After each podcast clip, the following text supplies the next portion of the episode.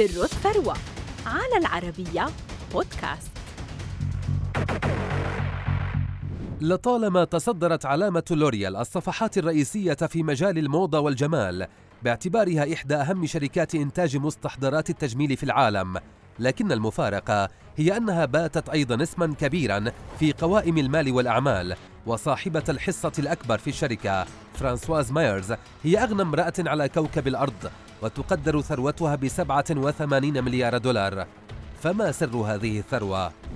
ولدت فرانسواز بيتينكور مايرز في العاشر من يوليو عام 1953 في باريس وهي الابنة الوحيدة لأندري بيتينكور وليليان بيتينكور والدها سياسي فرنسي أما والدتها فالمساهم الأكبر في شركة لوريال ذات العلامة التجارية الرائدة في عالم التجميل التي أسسها والدها الكيميائي أوجن شويل حين ابتكر صبغة لتلوين الشعر وجعل منها نواة لشركة تجارية لبيع وتجارة مستحضرات التجميل. كان شويل يبيع ما يصنعه بنفسه حتى عام 1919 عندما أعلن إطلاق الشركة وكان قوامها ثلاثة موظفين فقط.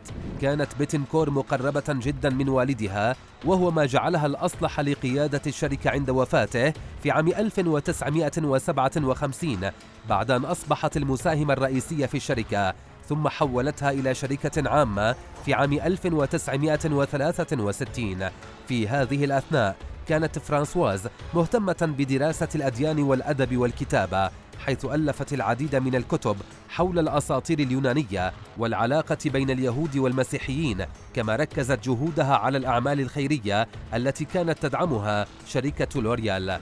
قبل أن تبدأ عملها في شركة لوريال حيث انضمت لمجلس إدارة الشركة عام 1997 دعمت فرانسواز مشروعات الشركة التي كانت تقودها والدتها وشكلت جزءا من نجاحاتها وحتى ذلك الوقت بقيت فرانسواز تقدم نفسها للمجتمع ككاتبة وباحثة لكنها تقدمت إلى واجهة مشاهير المال والأعمال بعد وفاة والدتها في عام 2017 مثلما ورثت فرانسواز ثروة والدتها ورثت مكانتها في قوائم أثرياء العالم.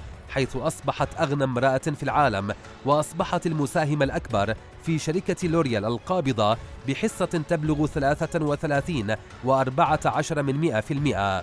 اليوم ومع مرور 100 عام على التأسيس تملك مجموعة لوريال أكثر من 35 علامة تجارية عالمية وتوظف 85400 شخص في فروعها حول العالم ووصلت مبيعاتها عام 2021 إلى 32 مليارا و280 مليون يورو.